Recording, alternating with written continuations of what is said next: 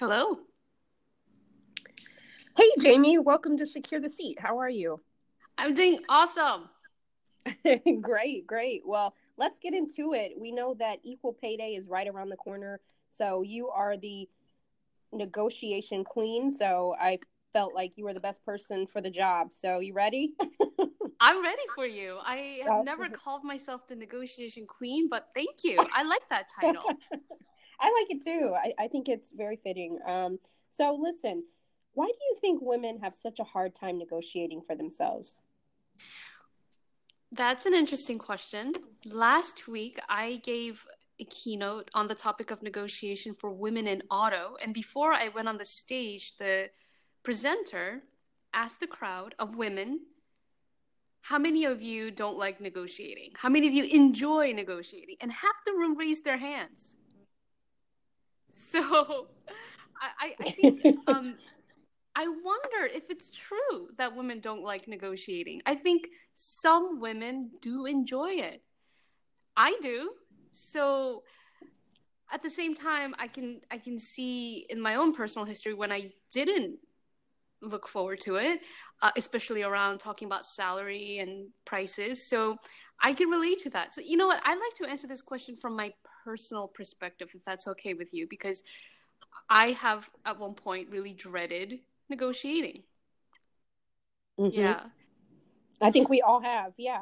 So definitely. Yeah. you know, I'd love to hear your perspective. So my perspective, um, from my personal experience, is that I was experiencing what some scholars call the tiara syndrome. Have you heard of the tiara syndrome?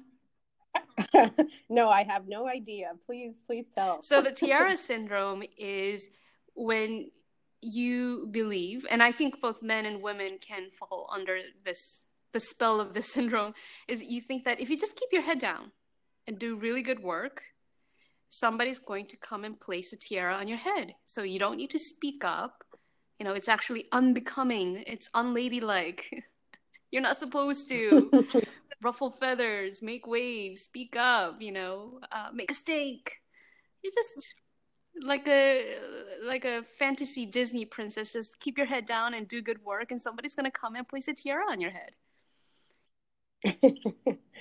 I love that. Yeah, I, and I think you know sometimes I well I certainly have uh, fallen under the spell of this tiara syndrome, and um, even the best of us sometimes fall under this trap i think.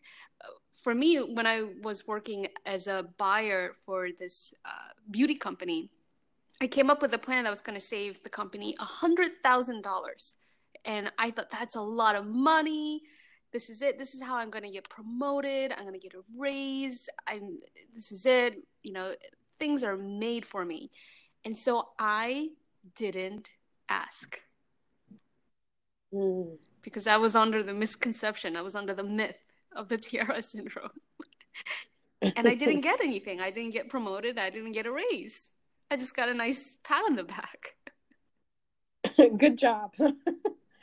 so it's it's uncomfortable to speak up, to advocate for your value because we're socialized to think that it's supposed to come from outside of us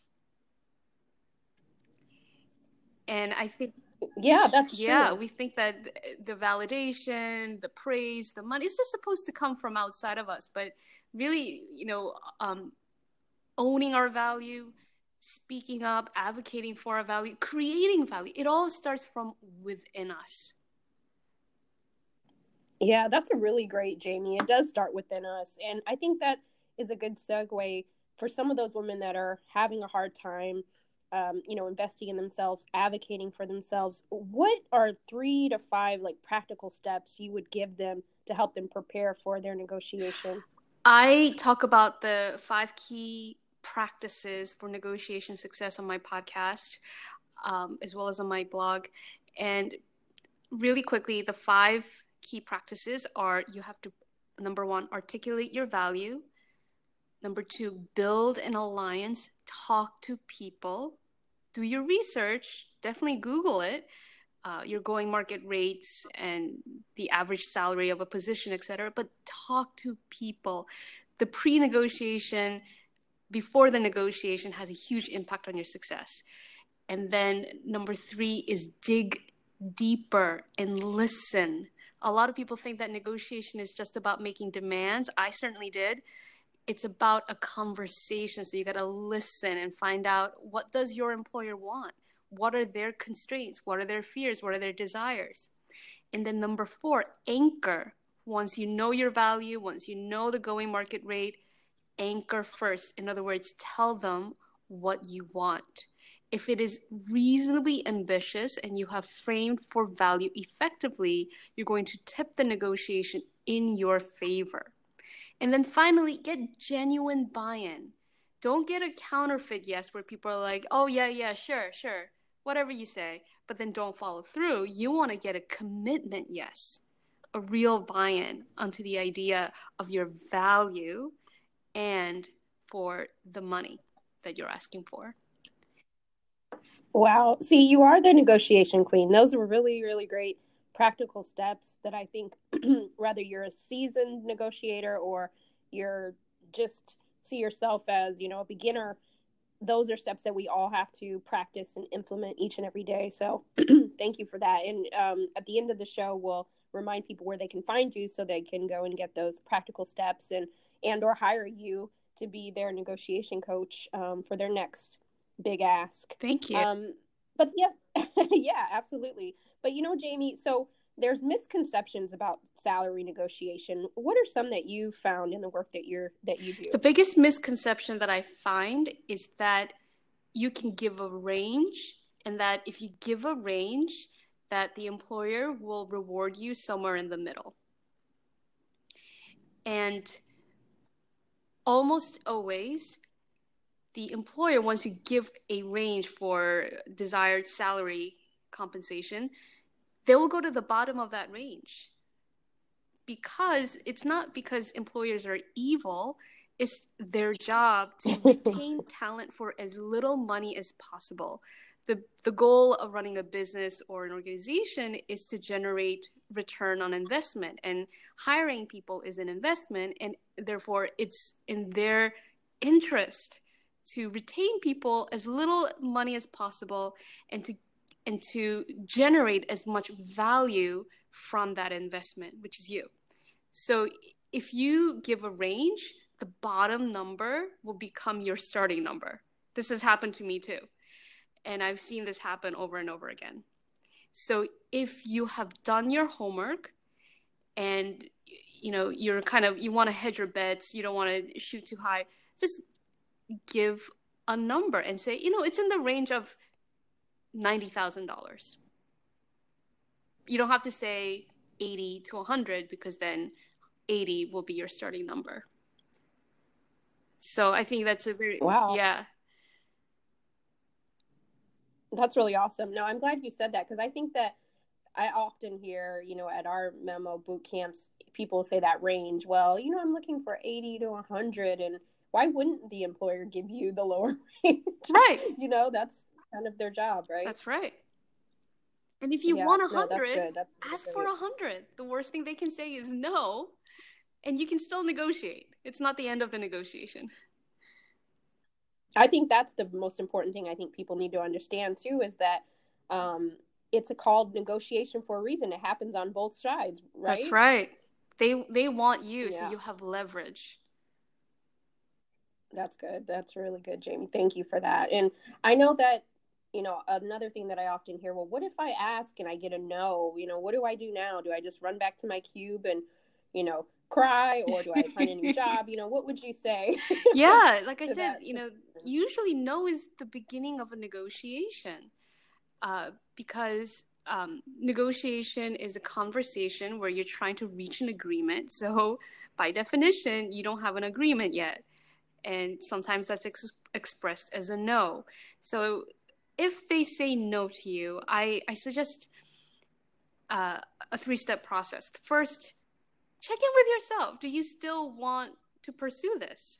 Because you know you have to know what your no is to. Well, if you're mm-hmm. saying yes to something, you're saying no to something, right?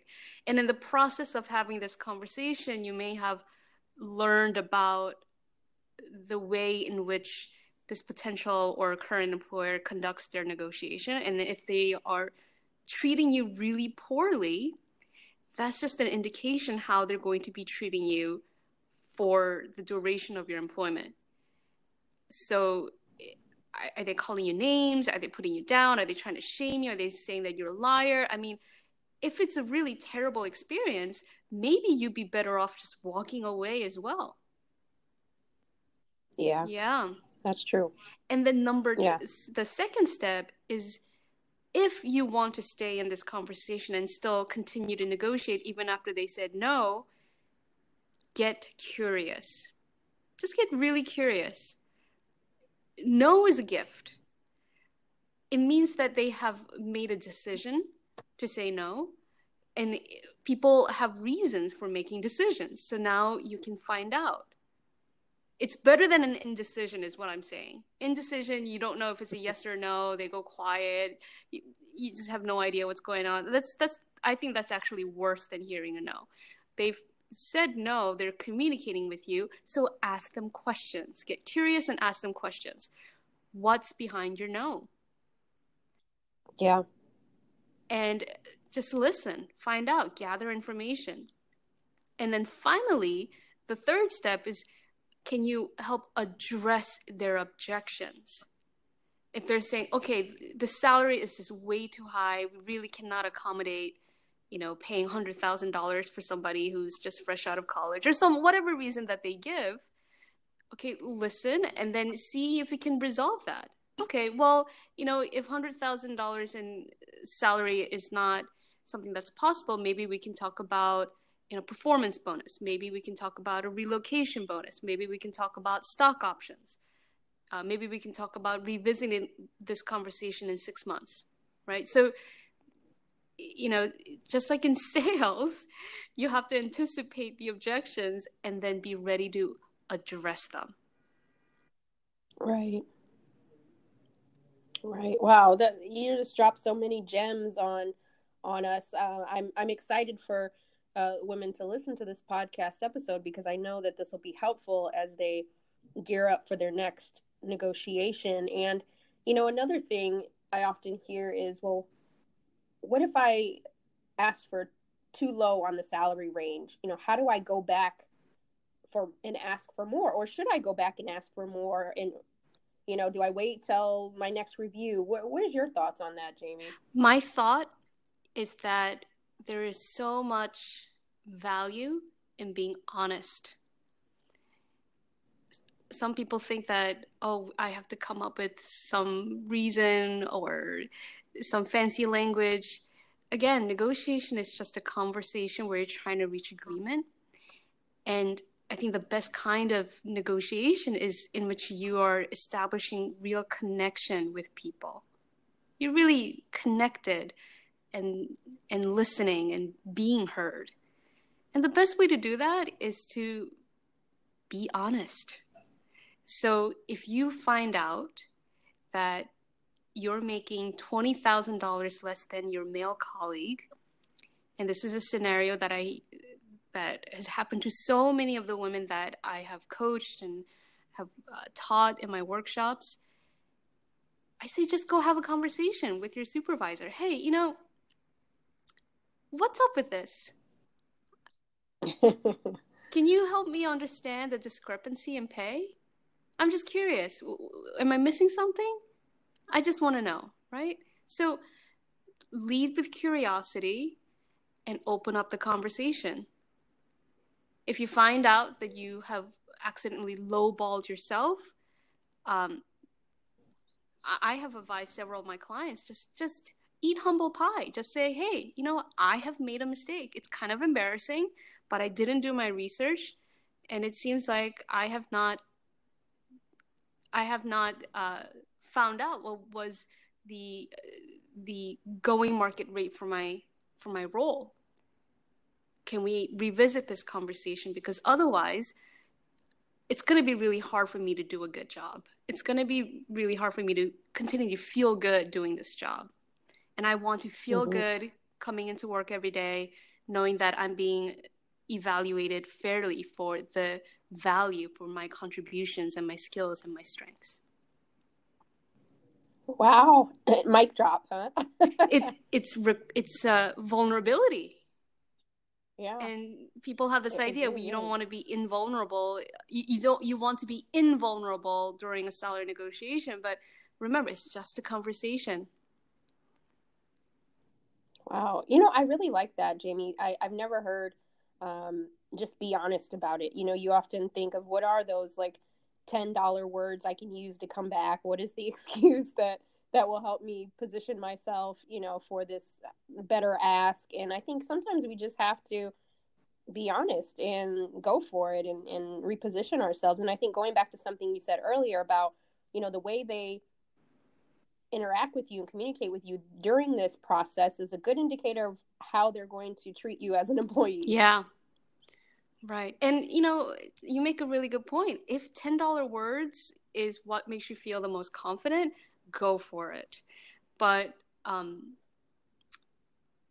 but if not, be yourself and then find out this is you know find out how, how are you going to react again just be curious and if they react in a way that you know that it doesn't signal respect mutual respect that's just more information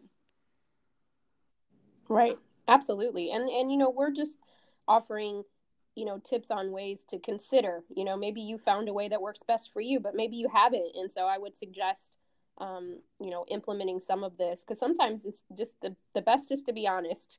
Yeah. more times than not. Um, so I, I love that advice. Um, Jamie, thank you so much for um, all of these gems that you dropped. Uh, how can people find you?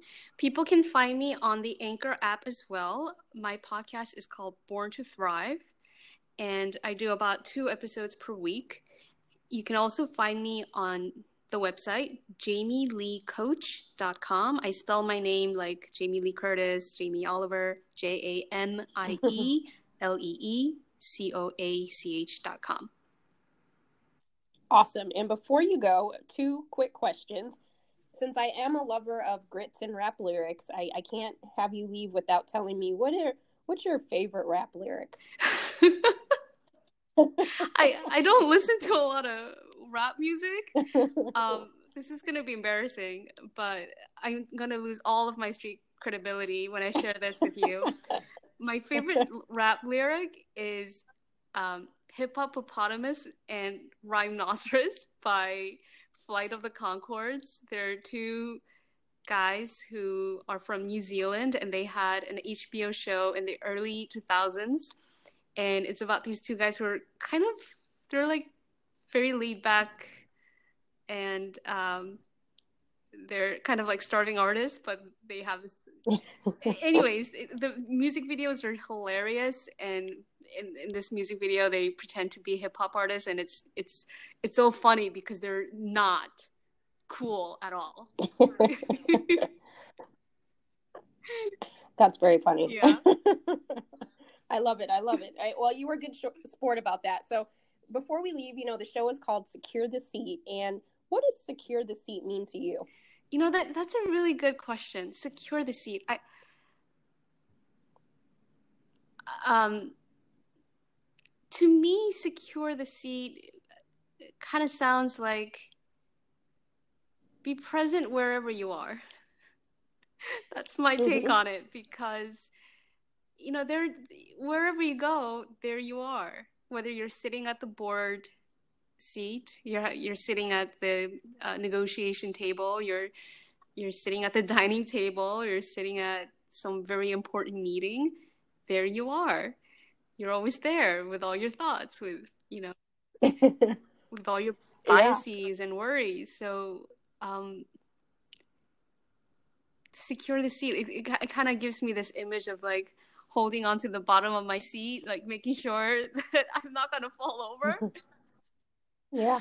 Um, no, I like that being present. Yeah. I, I think when you when you get your seat at the table or you have the opportunity to be there, that you know you hold on to it and and secure it and be present, be be available. Yeah. Um, to to take that space. That's really great. Um, no, you know, I hate to end it like this, but I, I promise that Secure the Seat is short and sweet. And so, Jamie, it's been a pleasure. Um, make sure that you go check her out. We'll have it on um, the show notes so that you can find her very easily. And hey, make sure you go for the ask and remember the the tips that Jamie, the negotiation queen, uh, left for you. All right, thanks, Jamie. Thank you. Have a great one. Bye. Thank you for tuning in to Secure the Seat, your weekly podcast to help women of color secure their seat at the table. Make sure you check back next Wednesday. Every Wednesday, we'll have a new episode and can't wait to grow and thrive and secure our seat together. Check us out on Apple Podcasts and on Anchor FM. Make sure that you give us a good review, leave us a comment, rank us high so that um, others will find us. And if you want to reach out to me, go to mindaharts.com and you can connect with me there. Have a great week.